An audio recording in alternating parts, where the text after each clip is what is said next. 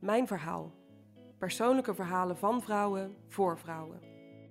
Toen Marcia maar niet herstelde van een griep en knallende hoofdpijn bleef houden, besloot zij de huisarts te bellen. Nog geen 24 uur later lag ze op de operatiekamer en werd er een tumor van 5 bij 5 centimeter uit haar hoofd verwijderd. Iedereen was verbaasd dat ik geen klachten had, maar ook dat ik er nog was.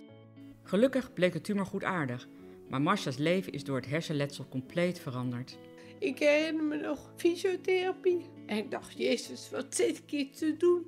Ik kon hardlopen, volleyballen.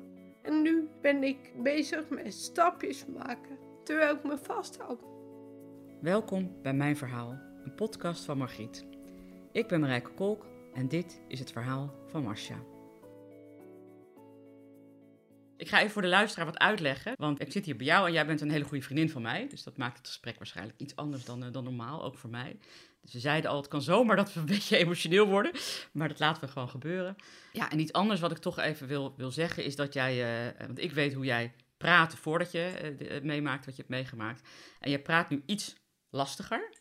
En daar zei je net voordat ik het opnameknopje indrukte, zei je daar wat over.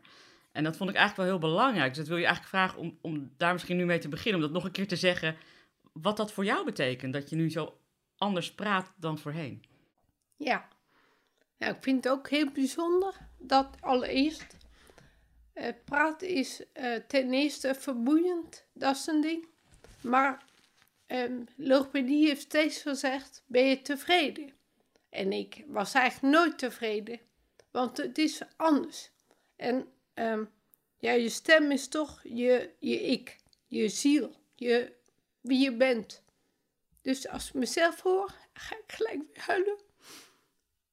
Dan hoor ik niet mezelf. Is dat nog steeds confronterend voor je? Ja, ja. Wisselend. Dus er zijn momenten, dan voelt het oké. Dan kan ik het verdragen. Zo, ja. zo voelt het ook echt, ik verdraag het.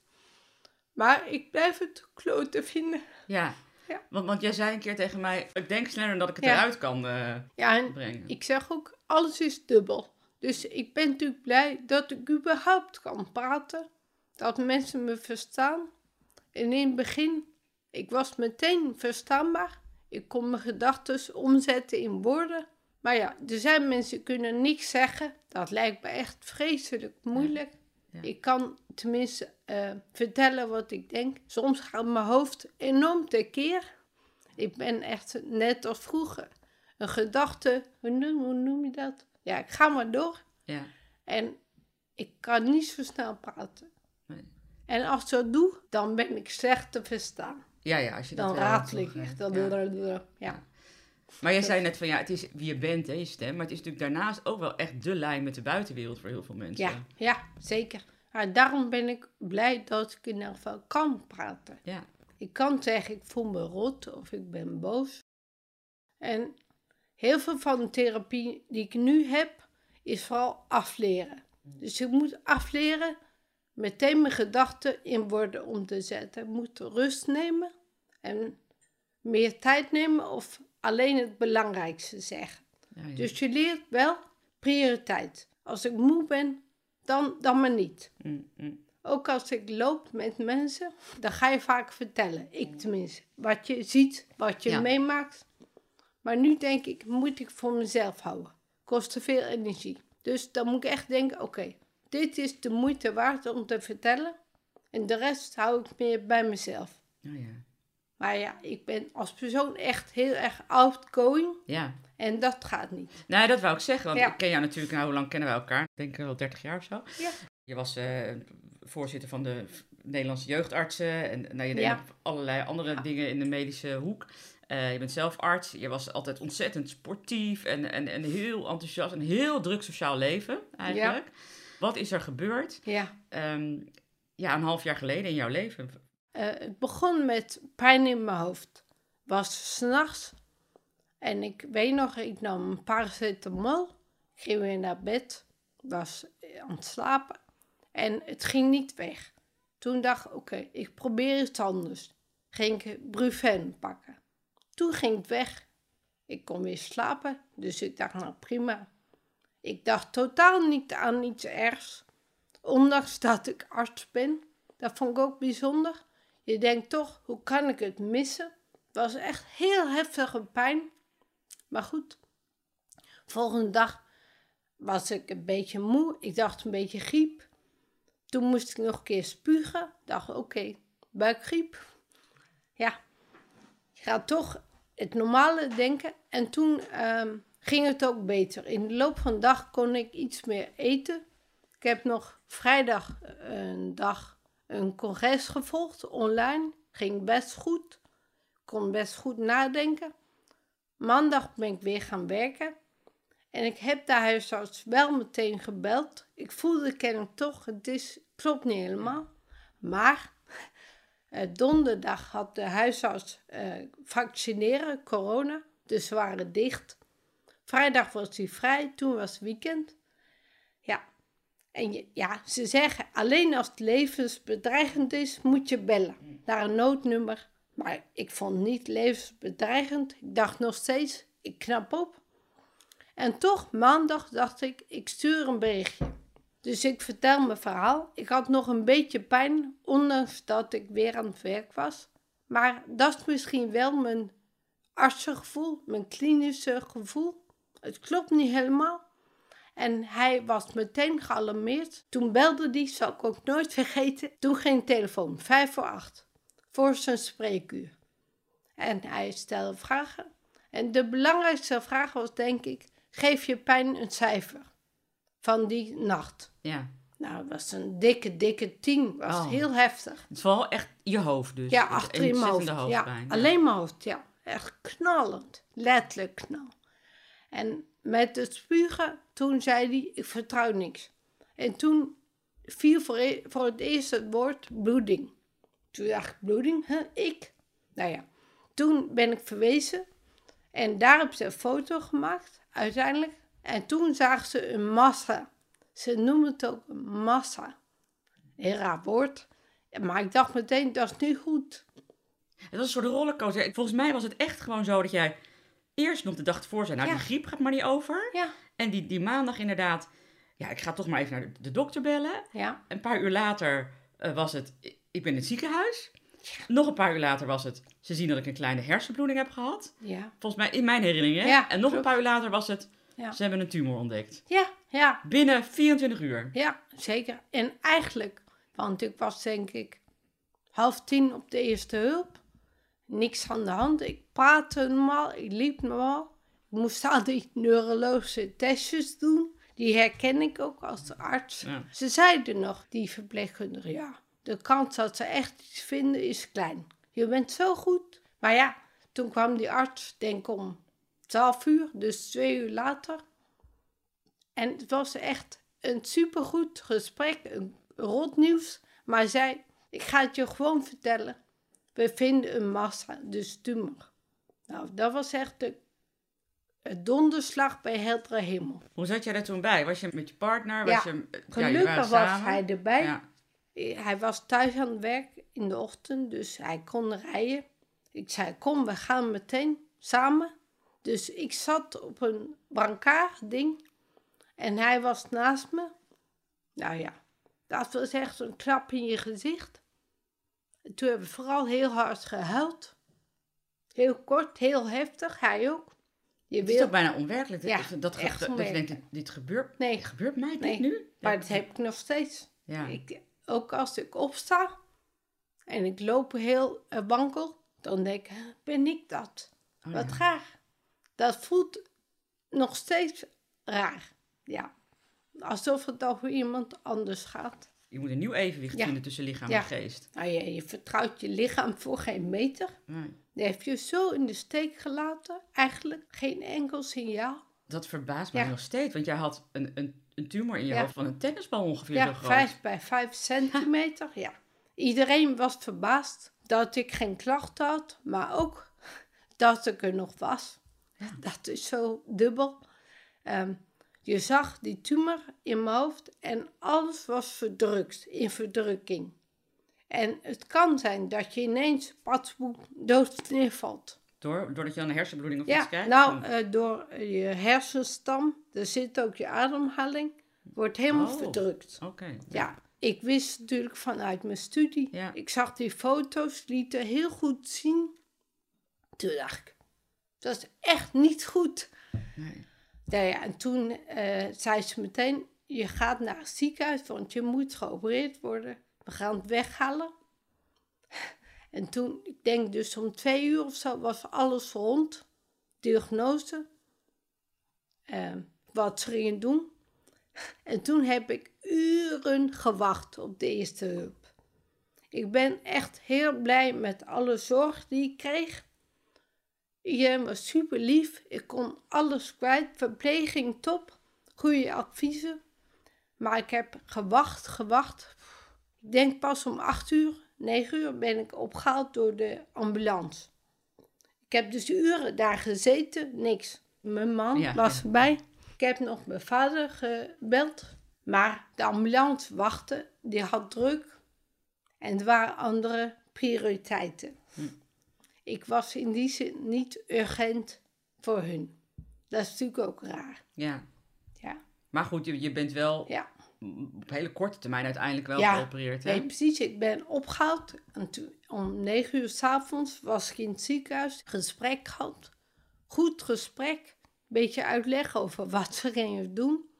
Toen heb ik gelukkig goed geslapen. En ik stond dus op de wachtlijst voor woensdag voor operatie. Maar het kon maar zo zijn dat ik niet aan de bus kwam. En toen om half tien s morgens, je wordt nu geopereerd. Oh nou ja, dat weet je ja, natuurlijk. Zo gaat dat, ja. Ging via de app. Nu ben ik aan de bus. En toen ben ik geopereerd. Was Gelukkig. bang? Nee, geen tel. Oh nee? Nee.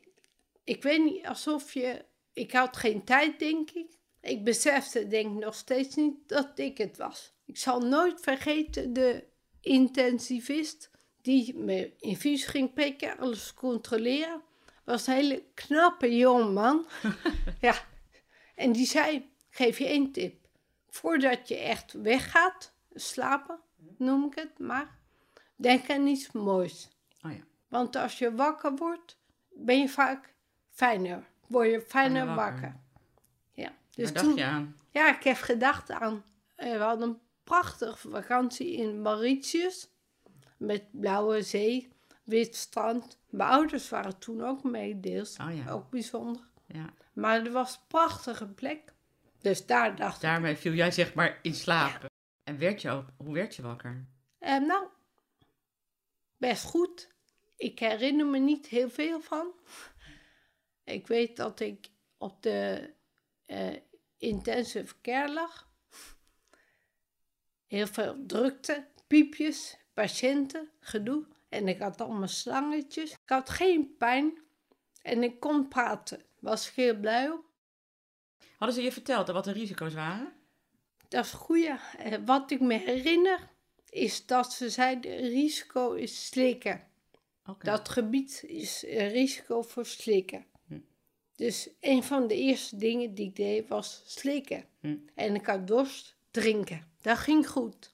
Dus ik was heel blij. Ja.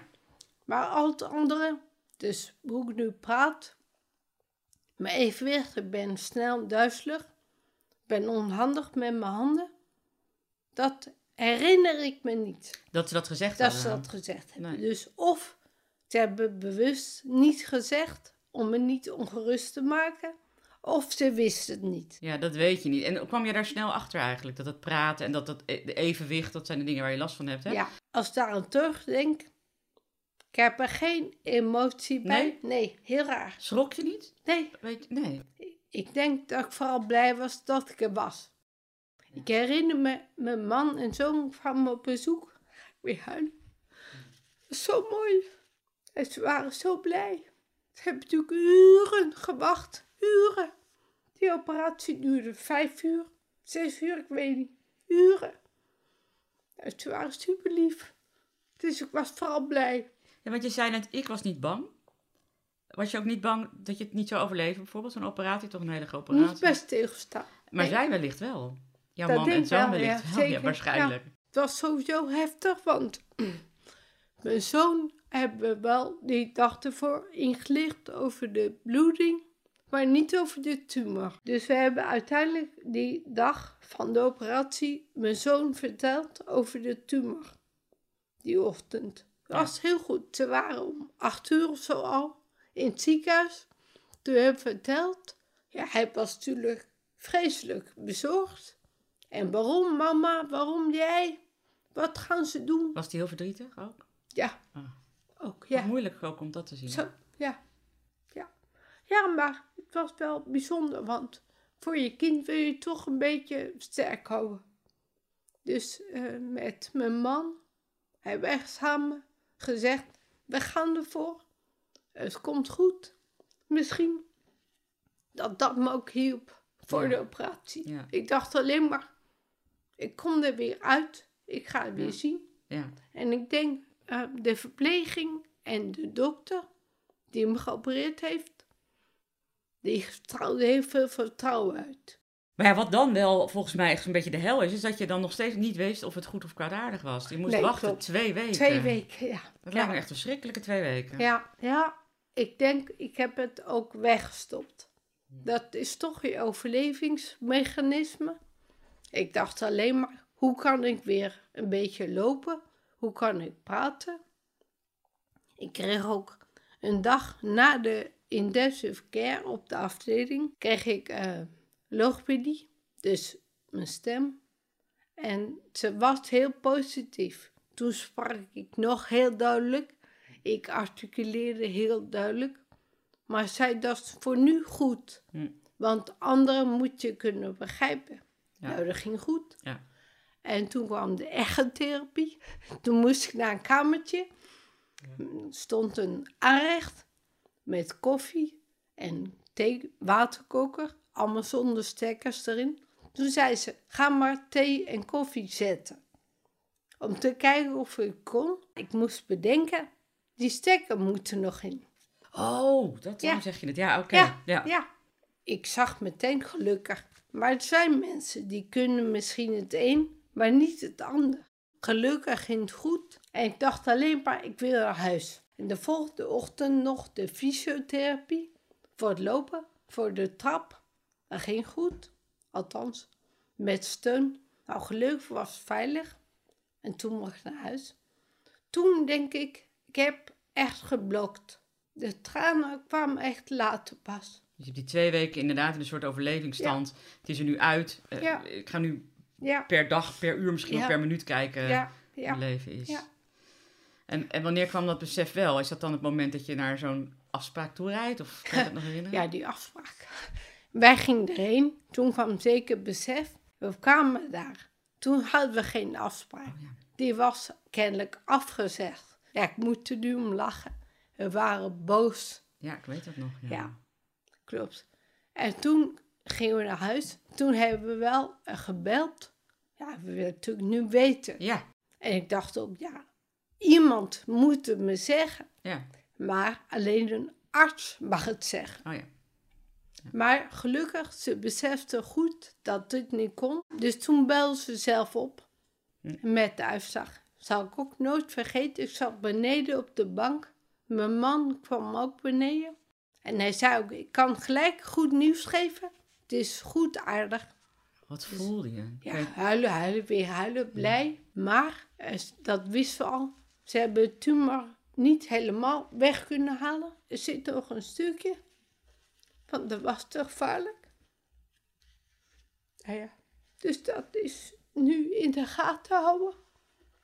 het blijft onzeker, hè, die Ja, zin. ik, Want jij bent van de week nog geweest hè, voor een scan ook weer. ja, Want het is altijd een risico dat het weer aangroeit. Ja, kijk, als je de boeken volgt, het is een meningioom. Dat groeit heel langzaam.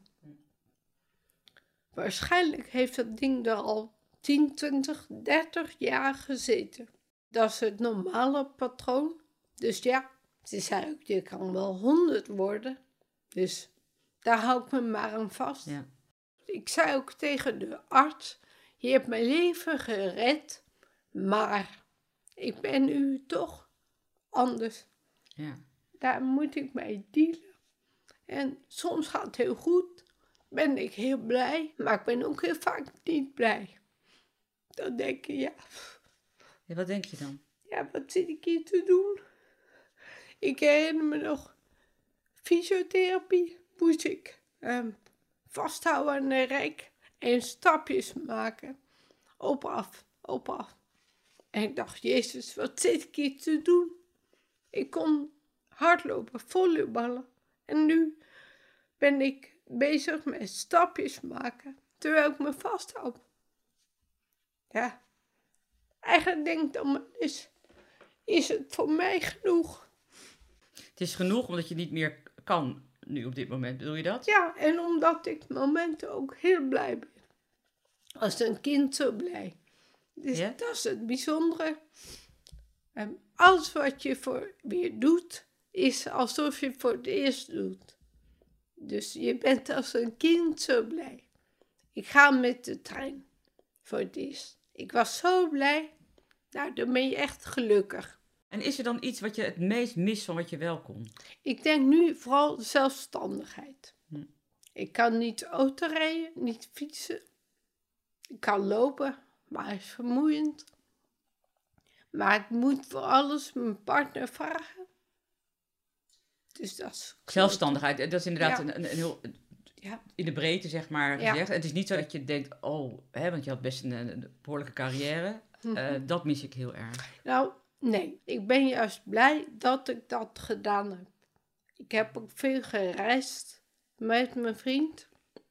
En zo blij omdat we het toen gedaan hebben. Ik ben nu vooral blij als ik thuis dingen kan. Boodschapje voor mijn zoon zijn, hem helpen. Met mijn man op vakantie gaan. Dat is in principe genoeg. Maar ik, ja, en dat kan ik me ook nog voorstellen, want daar hebben we het nog niet over gehad. Want op het moment dat jij uh, hoorde dat je dus een tumor in je hoofd had, lag jouw vader op sterven. Ja, die vader. Je vader die, die had kanker? Ja, die was in januari ziek geworden, longkanker en uitzaaiingen overal in zijn botten. We waren nog aan het wachten op gaat hij therapie doen of niet. Hij brak zijn arm en toen wou hij echt niks meer. Hij had al euthanasieverklaring. En ja, die pijn en die afhankelijkheid voor hem ook belangrijk. Hij wilde dat echt niet. Dus toen is hij in een hospice gegaan. Prachtige plek. Ben ik vaak geweest. En toen ik geopereerd werd, lag hij dus daar. Heb jij al snel bedacht toen jij het hoorde? Oh, hoe ga ik het in godsnaam aan mijn vader vertellen en wanneer? Nou, nee. Ik dacht heel egoïstisch alleen aan mezelf. Dat we zeggen, mijn moeder vertelt het hem. Die was nog, toen op de eerste hulp was mijn moeder ook gekomen. Heb ik haar kunnen vertellen. En ik wist, zij vertelt het hem. En ik heb dus wel een paar keer met hem uh, gebeld. Beeldbellen met telefoon. Was prachtig. En um, zaterdag ben ik ontslagen uit het ziekenhuis. En ik dacht alleen maar, ik wil naar papa toe. Uiteindelijk konden we gaan, rechtstreeks naar mijn vader. Ja, dat was echt het mooiste moment. ja, dat, ja, dat emotioneel, dat begrijp ik heel goed. Dat was heel heftig. En mijn vader, huilen, huilen. Die zei alleen maar, wat fijn om je te zien. Die heeft echt op mij gewacht. Hij was zo ja, echt een papa. Zo lief. En toen heeft hij nog vier dagen geleefd. Ging hij heel snel achteruit. Hij heeft echt gewacht op mij, dat geloof ik echt. Maar ook bijzonder voor jullie allebei, maar dat is al je vader, als jij die ruimte voor de ander ook nog zo konden voelen. Ja, dat is fantastisch. Zoveel liefde en zoveel kracht ook. Maar hij werd zieker en hij was echt niet meer aanspreekbaar aan het eind. En toen heeft hij met euthanasie, is hij gelukkig rustig gegaan. Mijn broer en mijn moeder en ik konden erbij zijn. En een week later was nog de dienst, de dag voor de uitslag. Ik ook, ik wil de uitvaart het liefst eerder. Want als het slecht is, ja, dan ben ik er niet van mijn vader. Ben ik alleen maar voor mezelf bezig. Dus het was prachtig. 5 mei op bevrijdingsdag. En ik denk dat ik juist ehm, heel intensief uh, afscheid heb genomen. Dat ik zelf pas daarna kwam. Ik ben een tijdje geleden naar Berg aan Zee geweest. Mhm. Alleen. Toen heb ik enorm gehuild. Mhm. Op strand. Mijn vader hield heel erg van strand. Hij woonde ook aan zee, hè? Ze woonde aan zee, ja. Ze woonde aan zee, ja. En toen heb ik ook gezegd... Pap, je zou trots op me zijn. Om wat ik nu kan. Wat ik doe. Ja, daar heb ik echt hardop gezegd. Dat zou die ook echt. Ah. Ja, ik word ook een beetje emotioneel. Ik heb jouw vader ook gekend. Hè? En, en eh, ik, ik zie ook in die zin ook wel, maar dat vind ik ook wel heel mooi, wel heel veel overeenkomsten. Ja, heel erg. Ja. ja. Maar ook dingen als um, je wil niemand tot last zijn. Niemand tot last zijn, ja, ja. Dat had hij ook heel erg. Dat voel ik ook nu. Vind ik ook moeilijk. Ja, vind je dat moeilijk? Ja. Maar in, in hoeverre, wanneer voel je dat dan, dat je iemand tot last bent? In het begin alles. Mijn man doet alles thuis. De was, koken, boodschappen, heel praktische dingen. Dat kon ik niet. En dan denk ik toch, hoe lang hou je vol? Zit misschien ook wel heel erg in jou. Ik denk helemaal niet dat hij het erg vindt. Misschien, dat kan ook. dat denk ik, ja. Ik zei, waar heb je last van? Ja. Ook aan mijn zoon. Ja. Ze keken me aan. Last, last. Hoezo? Vond ik zo lief. Zit lief. Ze zijn denk ik alleen maar heel blij dat je er bent. Ja, dat, ja. Hoe is het met je moeder? Want die is in, in een hele korte periode ook natuurlijk een enorme pijn gegaan met het verlies van een man en uh, de onzekerheid over jou. Ja. Nou, ik geloof mijn moeder, maar ook mijn partner. Ze zijn gewoon heel positief ingesteld en heel nuchter. Van het is wat het is, we gaan er tegenaan. Dus mijn moeder, ja, het is hartstikke druk, heel veel afspraken. En tegelijk zorgt ze natuurlijk enorm goed voor mij. Dat is heel fijn. Ze is vaak hier, helpen of gewoon niks doen samen. Dus het gaat best oké met haar, ja. ja. Oh, fijn. Ja, we kunnen ook goed samen huilen. Oh, dat is ook belangrijk. Dat ook, ja. ja. ja. Jij bent ook, denk ik, steeds meer, want je zet je ook best in voor mensen met niet aangeboren hersenletsel, hè? Ja. Waarom vind je dat belangrijk? Nou, je noemde net al uh, de voorzitterschap van jeugdartsenvereniging. Ja. Het zit gewoon heel erg in mij om naar buiten te treden. En dit is nu wat ik kan. Ik vertel mijn eigen verhaal. En ik zie, het raakt mensen. Mensen hebben er wat aan. Of ze nou wel of niet ziek zijn. En dat vind ik fijn. Dus ik zoek toch altijd iets naar buiten. Ja, naar buiten en een stukje zingeving. Want dat is ook niet voor niks arts natuurlijk. Daar zit daar natuurlijk ook voor een stukje bij. En, en, anderen willen helpen ook. Ja, ja meer begrip tonen. Ja, meer begrip. Ja. Nou ja, je wordt een beetje gedwongen om helemaal tot jezelf te komen hè, en tot rust. Word jij daartoe gedwongen? Dat zei je ook wel eens, door de omstandigheden. Ja, ja. Maar denk je nog wel eens na over de toekomst? Denk je nog wel eens, oh, ik hoop toch dat ik over tien jaar dat het zo en zo met me gaat en dat ik dat weer kan? De toekomst is heel dichtbij. Dus ik ben heel blij als ik weer kan werken. Zou je weer hetzelfde willen doen van wat je deed? om twee redenen. Het is prachtig werk met kindermishandeling. Ja, want je zet je in voor... Nou ja, vertel het zelf maar even. Ja, ik kan het het beste zeggen. Het is bij het Landelijk Expertisecentrum Kindermishandeling. En die kijken mee bij letsel bij kinderen met een vermoede kindermishandeling. En ik doe vooral um, randvoorwaarden. Ik ben directeur en dat kan ik heel goed op mijn eigen tempo doen. Dat is heel fijn. Zinvol werk. En nu doe je even niks, toch? Nog, of, nee, maar Je, je, hebt wel de ambitie zeg maar, om langzaam daar toch weer... Ja, nou, ik uh, doe officieel niks. Maar ik ben vanaf begin betrokken gebleven. In het begin alleen horen. Dat ging gelukkig. En nu doe ik langzaam iets meer. Ook, ik ga binnenkort leren fietsen, heb ik gezegd. En ze gaan het gewoon proberen. Nou ja, dat is dus wat je net zei. Weer opnieuw dus uh, leren die dingen. dus waarschijnlijk wordt het weer een heel mooi moment als het je lukt. Ga weer huilen op, de, fiets, op de fiets. Ja. Je hebt een aantal boeken waar je in ieder geval mee bezig die gaan over, ook over sterven, maar ook over wat is de zin van het leven, hoe ga je ermee om, mensen die weten dat ze misschien niet meer lang te leven hebben, dat soort thema's. Wat brengt het je? Nou, ik ben natuurlijk heel erg aan denken, wat doe ik hier nu? Nu ik hulp nodig heb en nu ik weinig kan. Maar het brengt me vooral, ik vat het samen denk ik met liefde voor de mens, voor de ander. Heel veel vrienden zijn ook geweldig. Ze doen alles ze zeggen, maakt niet uit, je bent prima zoals je bent. Een vriendin zei, vond ik zo prachtig, je bent gewoon geconcentreerde Marsha. Veel meer één moment. En waar het om gaat is dat, denk ik, contact maken, en liefde, echt, mensen echt zien, echt geven, iets doen voor een ander, dat soort dingen. Gaat het eigenlijk makkelijker, die liefde geven, als je dus in zo'n soort kwetsbare positie zit? Is dat het dan? Ehm, ik denk dat ik het al heel goed kon. Ja, denk ik ook. Ja, dank je. Maar ehm, je spreekt nu meer uit.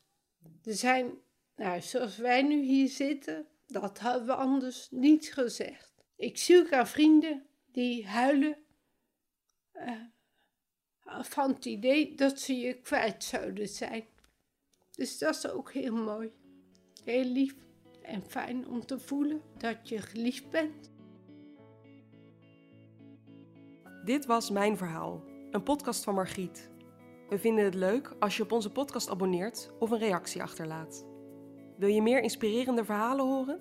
Ga dan naar margriet.nl/podcast.